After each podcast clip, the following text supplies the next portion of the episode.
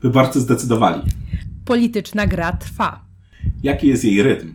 W podcaście Rytm Polityki witają Was Agata Kępa i Tomasz Synowiec.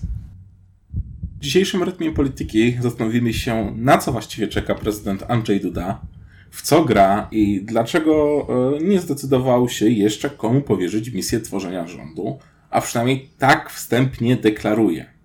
E, można tutaj zauważyć, że e, prezydent nie wskazał kogo, nie powiedział kogo wskaże na e, premiera w pierwszym kroku, jednak wszystko wskazuje, że wskaże na osobę z Prawa i Sprawiedliwości.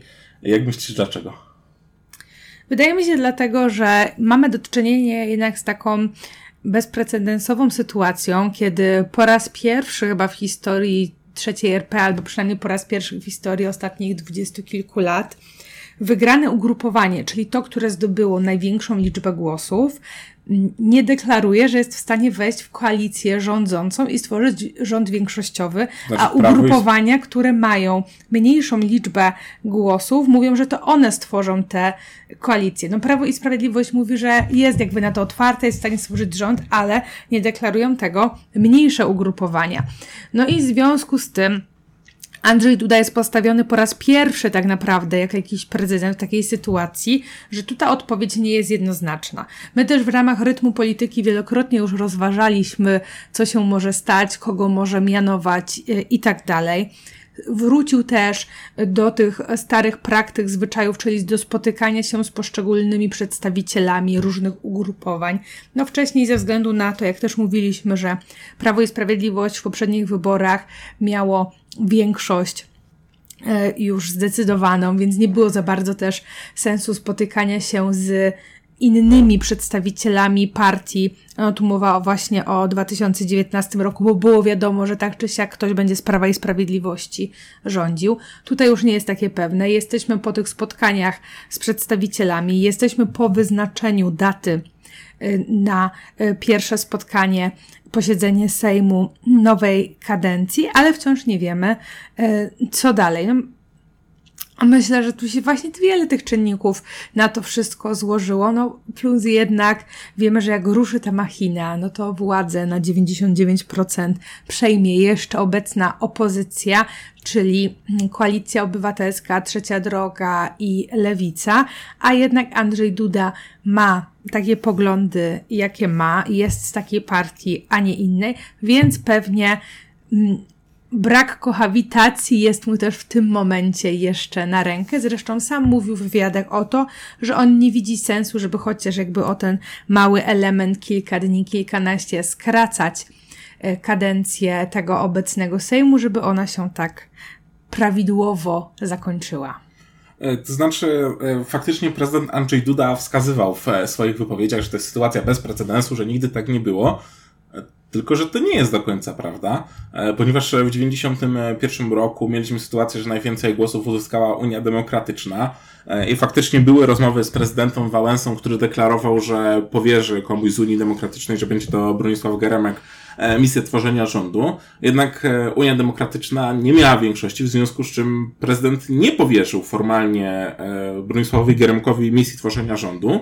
E, no i wtedy, co w ogóle paradoksalne i zabawne, e, e, rząd udało się utworzyć, że nie on stanął na jego czele, środowiskom związanym z Jarosławem e, Kaczyńskim. Jarosław Kaczyński działał, żeby utworzyć rząd, więc mamy takie wstępne.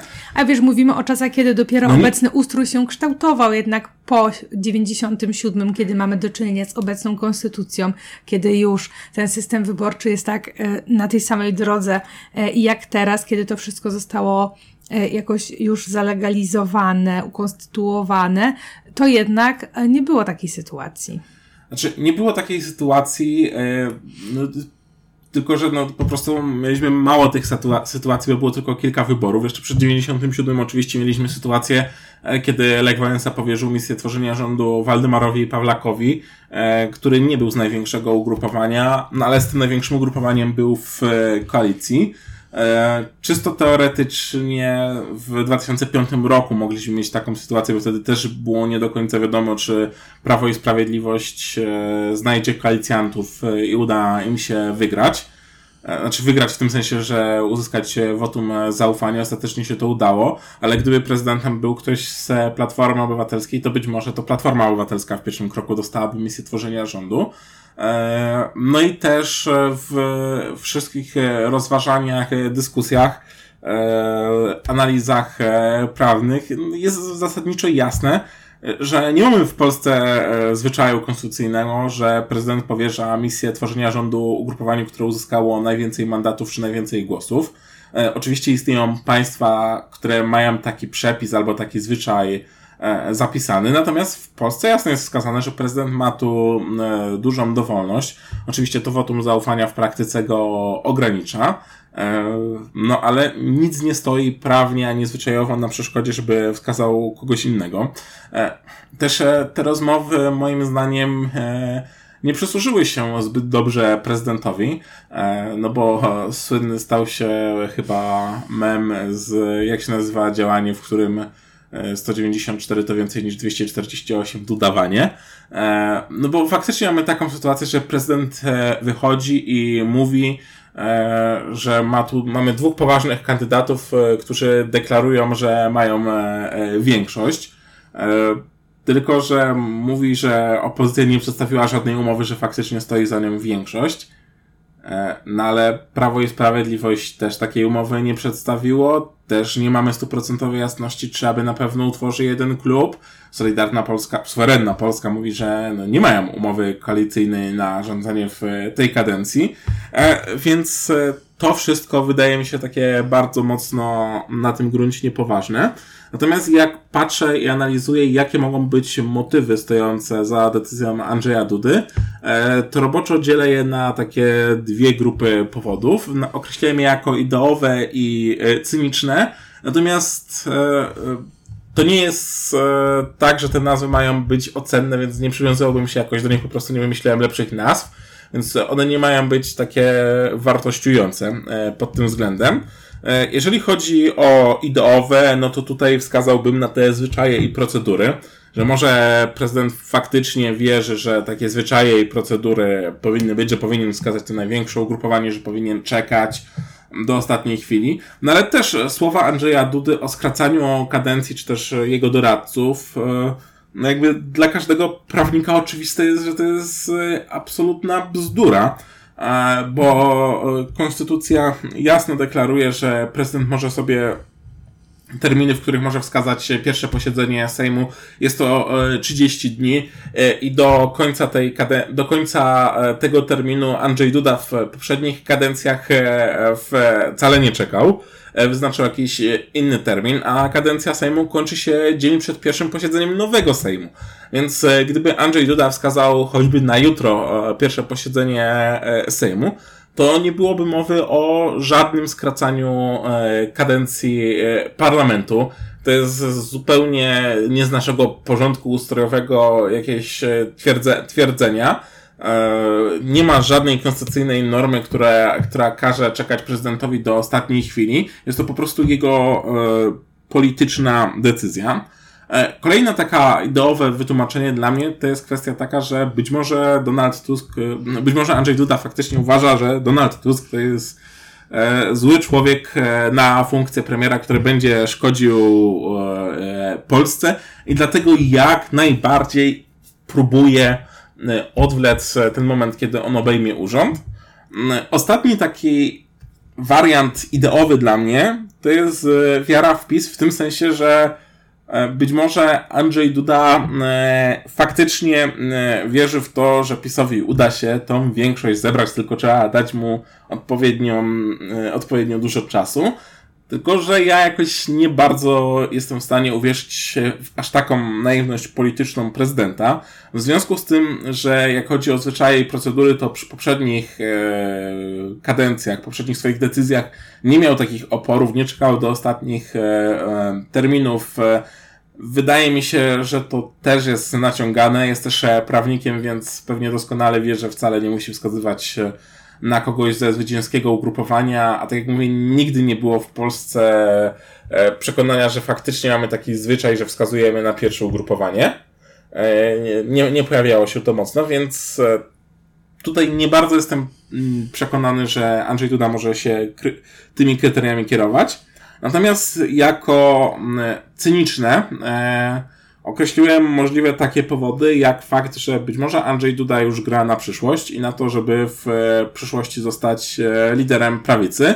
E, I gdyby Andrzej Duda wskazał Donalda Tuska na premiera, no to w przyszłości mogliby mu to wypominać już tak pomijając kontekst, że, że przecież tak Donald Tusk miał większość, tu nie było żadnej większej decyzji, to była e, czysta formalność, no ale za kilka lat mógłby to ktoś Andrzejowi Dudzie wyciągać e, i używać do ataku na niego.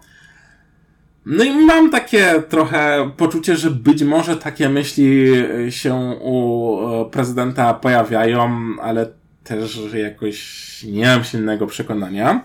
E, kolejna rzecz to być może po prostu czysto emocjonalnie Andrzej Duda jest e, przeciwny temu rządowi, no bo przecież Koalicja Obywatelska w swoim programie wyborczym zapowiedziała postawienie go przed Trybunałem Stanu.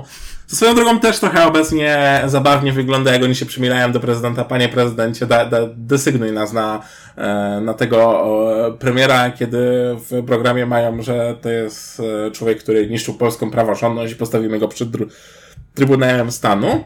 E, I ostatnia grupa argumentów, do której prawdę mówiąc, ja osobiście najbardziej się przychylam, to znaczy uważam, że najbardziej te argumenty w przypadku prezydenta Andrzeja Dudy yy, grają, mają największy wpływ. One niekoniecznie w 100% wykluczają się z pozostałymi argumentami, a to oczywiście się może pokrywać. To jest po prostu wspólna gra z, prawem, z prawem i sprawiedliwością e, i na pewien interes. I tutaj można wskazać różne czynniki, z których z kolei mniej lub bardziej wierzę. Znaczy jest teoria oczywiście budżetowa, że e, prezydent jak najbardziej odwleka ten czas, żeby opozycja nie zdążyła uchwalić budżetu e, i żeby zrobić przedterminowe wybory, bo prezydent może wtedy jeżeli w ciągu czterech miesięcy od złożenia e, projektu ustawy budżetowej nie ma budżetu, no to prezydent może zarządzić przedterminowe wybory. No ale w to nie wierzę, po pierwsze nie wierzę, że opozycja się nie wyrobi, e, a po drugie nie wierzę, że faktycznie PiS chciałby na takie coś zagrać, bo myślę, że to skończyłoby się dla niego gorzej niż obecne wybory. Samym oburzeniem takiego obchodzenia tego bocznymi drzwiami.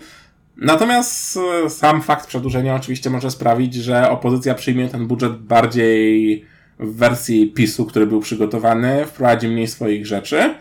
Mm, e, no i to już jakiś argument może być. E, poza tym wydaje mi się, że faktycznie Prawo i Sprawiedliwość i prezydent w tym wypadku mogą kalkulować na takiej zasadzie, że jak przeczekają te dwa miesiące, wymęczą opozycję, no to ona się trochę pokłóci, no wiadomo, tą koalicję i tak zrobi, ale trochę się pokłóci, te najbardziej e, emocje z nadzieją zwolenników opozycji na zmianę, wszystko opadnie, e, no i zaczną te rządy już niejako trochę tacy zmęczeni tymi dwoma miesiącami. Będzie pierwszy dzień rządów, a opozycja już będzie mm, niejako e, wypalona. I wydaje mi się, że to są argumenty, które w największym stopniu decydują o stanowisku Andrzeja Dudy z jednej strony zgoda, a z drugiej strony te oficjalne argumenty Andrzeja Dudy, o którym on mówił, no są cały czas, jakby nie było, prawdziwe. Donald Tusk oficjalnie nie ma żadnej umowy koalicyjnej. Ona nie została jakby była nam jakoś w żaden sposób przedstawiona. My nie wiemy, jakby ten rząd miał wyglądać. No i zgoda też, że Prawo i Sprawiedliwość też nie ma, ale w dalszym ciągu oni mają większość. Z jednej strony ten zwyczaj od 97, że zawsze e, byli mianowani premierzy z partii wygranej. No to nie jest długi zwyczaj, bo on trwa niespełna 30 lat, ale z drugiej strony jednak istnieje taki. Więc myślę, że e, te argumenty z jednej strony są słuszne. Z drugiej strony też, czy ktoś się spodziewał, że Andrzej Duda wcześniej się zdecyduje? Mówiliśmy też o tym już wcześniej, że najpewniej będzie to pierwsze posiedzenie gdzieś później, że Andrzej Duda będzie jakoś tutaj zwlekał. Także dla mnie to nie jest nic e, nowego. Mm, Myślę, że te zwlekanie jest oznaką tego, że nie powoła Donalda Tuska, y, powoła Mateusza Morawieckiego, ewentualnie cały czas tutaj, tak jak mówiłam o tych fantazjach, może jak już kogoś z opozycji, to powoła kogoś innego niż Donald Tusk.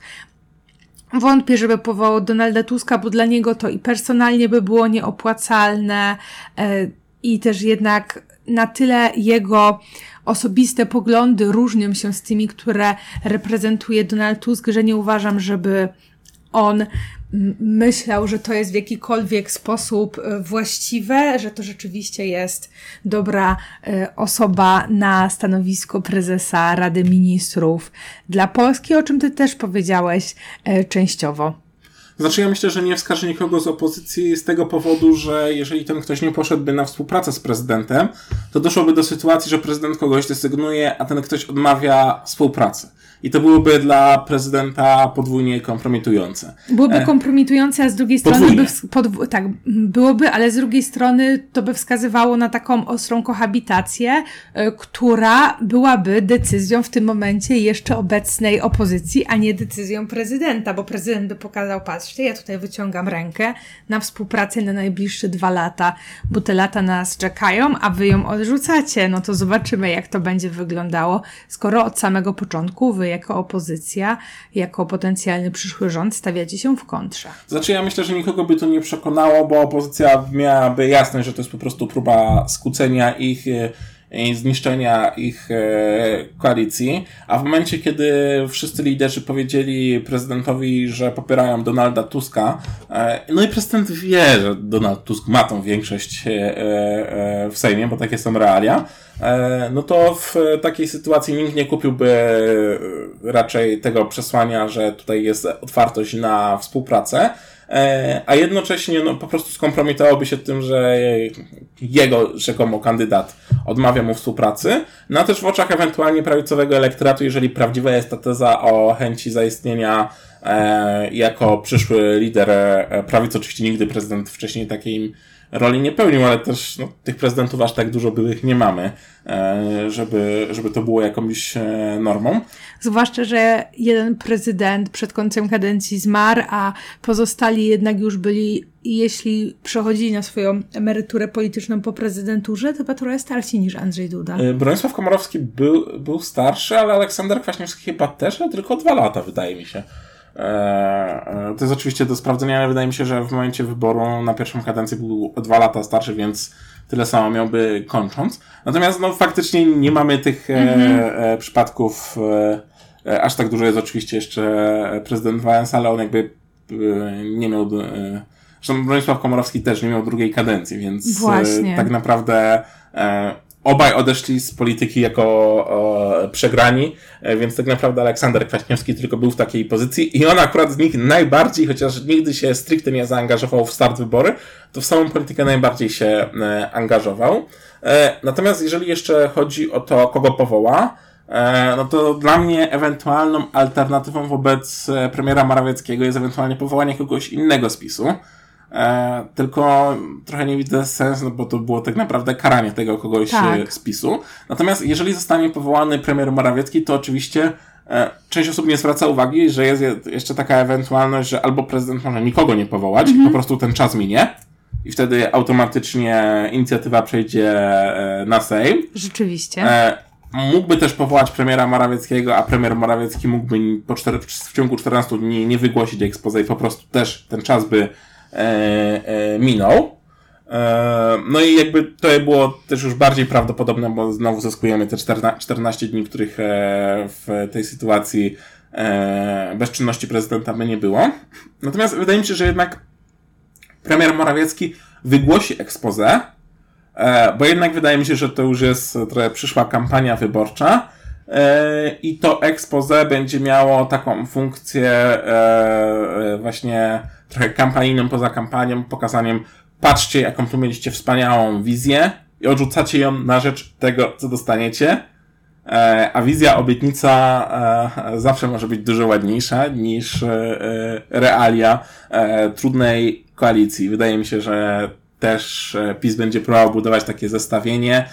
Może nie będzie to nocna zmiana, tak jak kiedyś, ale też to będzie takie zestawienie historyczne, budowanie tego mitu, że tu oto wyszedł wspaniałą propozycją premier Morawiecki, a ta zła opozycja się na to nie zdecydowała i dostaliśmy ten rząd e, który oczywiście w narracji PiSu będzie rządem nieudolnym, ponoszącym same porażki, niezależnie od tego, czy będzie te porażki ponosił, czy nie.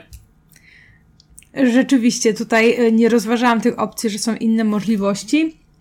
E, czyli to przeczekanie czasu. One też zresztą bardzo rzadko się pojawiają. Nie wiem, czy w ogóle się gdzieś pojawiły e, w mediach, czy to społecznościowych, e, czy nie. Myślę, że jednak tu najbardziej prawdopodobną opcją jest ta, o której mówisz, czyli że e, premierem e, na start zostanie powołany na to stanowisko Mateusz Morawiecki. On wygłosi to expose, zwłaszcza, że Mateusz... Oczywiście w 14 dniu od momentu tak. desygnowania. Mateusz Morawiecki... Które nastąpi w 14 dniu od pierwszego posiedzenia Tak.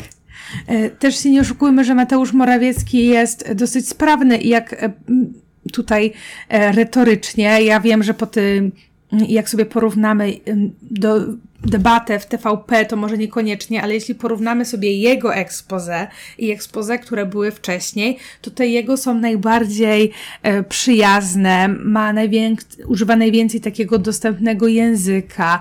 One są w indeksie jasności, jak mierzyłam, one też tutaj mają e, najbardziej takie przyjazne noty. Może przybliż, czym jest indeks e, jasności, bo podejrzewam, że nie każdy słuchający może wiedzieć, co to jest, jak to się w ogóle mierzy. Tak, tak. Indeks jasności, no tutaj one są w zależności od kraju, oczywiście się różnią, bo ten język też się różni. Chodzi o to, że ten indeks mierzy tak mniej więcej e, to, ile trzeba mieć skończonych lat, albo ile trzeba mieć skończonych lat edukacji, żeby zrozumieć w pełni to, co się mówi, żeby zrozumieć w pełni jakiś dany tekst. Ja w ramach jednej ze swoich prac dyplomowych analizowałam te ekspoze, które były dotychczas, czyli do 2019 roku i oba przemówienia i ekspoze, które były wówczas wygłoszone przez Mateusza Morawieckiego, były najbardziej przystępne, to znaczy, że największa liczba wyborców, wyborczyń i w ogóle obywateli mogła je zrozumieć, bo e, używał mało skomplikowanych słów, mało technikaliów, czyli nie używał skomplikowanego słownictwa, które mogą tylko osoby, które się na przykład specjalizują w czymś danym, e, zrozumieć. Te słowa, których używał są krótsze, bo też pamiętajmy, że w języku polskim jesteśmy tworzyć słowa, które mają cztery i więcej sylab, mm, a tutaj za te bardziej przystępne uznawane są te słowa, które mają mniejszą liczbę e, sylab. Posługiwał się też powszechniejszym słownictwem, więc pod tym kątem te przemówienia Mateusza Morawieckiego expose były dla czytelników, dla słuchaczy najbardziej przyjazne, najbardziej jasne, więc myślę, że Mateusz Morawiecki tutaj pójdzie w tę stronę i rzeczywiście będzie chciał wygłosić, jak już zostanie mianowany, e, swoje expose, niekoniecznie właśnie po to, żeby zyskać wotum zaufania, ale jednak to są te przemówienia, Po które... to, żeby budować ten mit tak. wspaniałego premiera, który chciał dalej rozwijać właśnie. Polskę, ale mu nie pozwolono. Zwłaszcza, że jakby expose to są te przemówienia, przemówienia, które się w jakiś sposób niosą, te, które w jakiś sposób y, zostają, tak naprawdę Mało kto, przypuszczam, ogląda realnie każde posiedzenie Sejmu i słucha wszystkich tych wypowiedzi, ale to jest to pierwsze, w których są przedstawione pomysły na rząd, w których jest pokazane to, jak się widzi Polskę teraz i jakie są największe wyzwania i problemy dla Polski w następnych latach. Mm, więc tutaj na pewno będzie bardzo dużo słów kluczy, takiego wartościowania Polska, ojczyzna, tradycja, historia, i tak dalej. Zresztą pod kątem akurat wartości, które są używane w expose, to to co ciekawe, mm, bardzo często e, zależy ogólna sytuacja międzynarodowa i krajowa e, tego, jakie te wartości są poruszane w ekspoze, a niekoniecznie czy dany premier jest z prawicy czy z lewicy, to też właśnie analizowałam. Więc te ekspoze e, przypuszczam, że nie będą aż tak jakby przyjrzeć się w analizie bardzo, bardzo e, różne, bo one też są dosyć uniwersalne. Chodzi o to, żeby trafić do całkowicie każdego e, obywatela do każdej obywatelki, więc mamy na start bardziej ogólne kwestie, a potem mamy te kwestie y, dla wszystkich. Zdanie o nauczycielach, zdanie o młodych, zdanie dla, y, o emeryturach, zdanie o rolnictwie, że po prostu wszyscy, wszyscy się tam w jakiś sposób załapali. No i wykorzysta pewnie te szanse Mateusz Morawiecki, zwłaszcza, że dotychczas mu to dobrze wychodziło. Tak, a być może Jacek Kurski nakręci sequel Nocnej Zmiany i prawdę mówiąc, nieironicznie, e, no być może nie każdy z Was wie, Jacek Kurski jest, jest autorem filmu Nocna Zmiana. Ja uważam, że oczywiście przy pewnych cechach propagandowych tego filmu to jest to jednak dobrze zrobiony, ciekawy film. I ja bym bardzo chętnie e, zobaczył wer wersję, pewnie z jakimś innym tytułem, e, tą właśnie odrzuconej, odrzuconego marzenia e, Mateusza Morawieckiego, jakby, jakby to Jacek Kurski, być może ktoś inny, ale ja bym prawdę mówiąc bardzo chętnie zobaczył e, jego. E, no oczywiście na to wszystko jeszcze poczekamy, bo pierwsze posiedzenie Sejmu będzie 13 listopada. E, to już prezydent zapowiedział, że na ten dzień zła posiedzenie Sejmu. E, no i później dalej będą te terminy 14 dni na desygnowanie, około 40 dni na expose, e, więc e, jeszcze na Mateusza Morawieckiego i jego wielką wizję wielkiej, wspaniałej Polski poczekamy.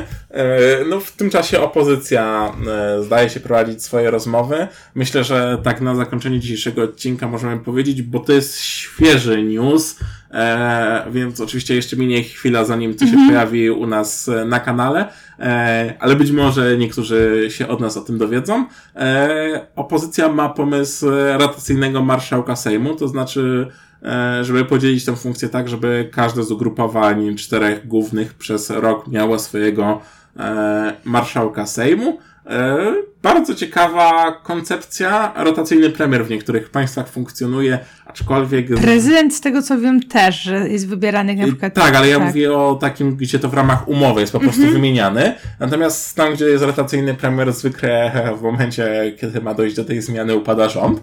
E, wydaje mi się, że przy marszałku Sejmu może być e, trochę lepiej. Trzeba, trzeba absolutnie się temu przyjrzeć i to będzie na pewno e, ciekawa opcja.